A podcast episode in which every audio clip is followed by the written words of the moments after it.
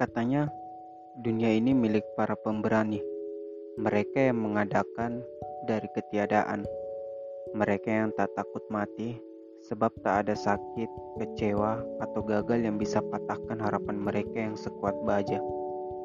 Tapi dalam diri beberapa orang, keberanian tak selalu unjuk gigi pada mereka.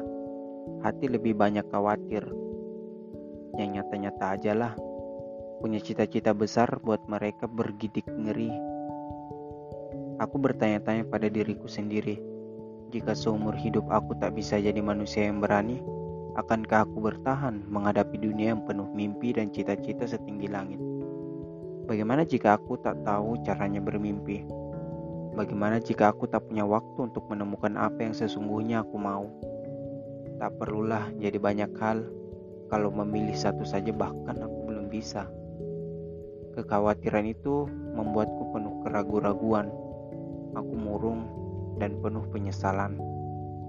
Beberapa kali urung mencoba dan memulai sesuatu, sebab dalam hati tahu aku sudah kalah langkah dengan mereka yang mulai lebih dulu. Tapi siapalah manusia untuk melangkahi masa depan dan peruntungan? Di hadapan kita terbentang sebuah rancangan, dan sebagaimana setiap rancangan, tak akan jadi apa-apa jika tak ada yang memulai langkah pertama.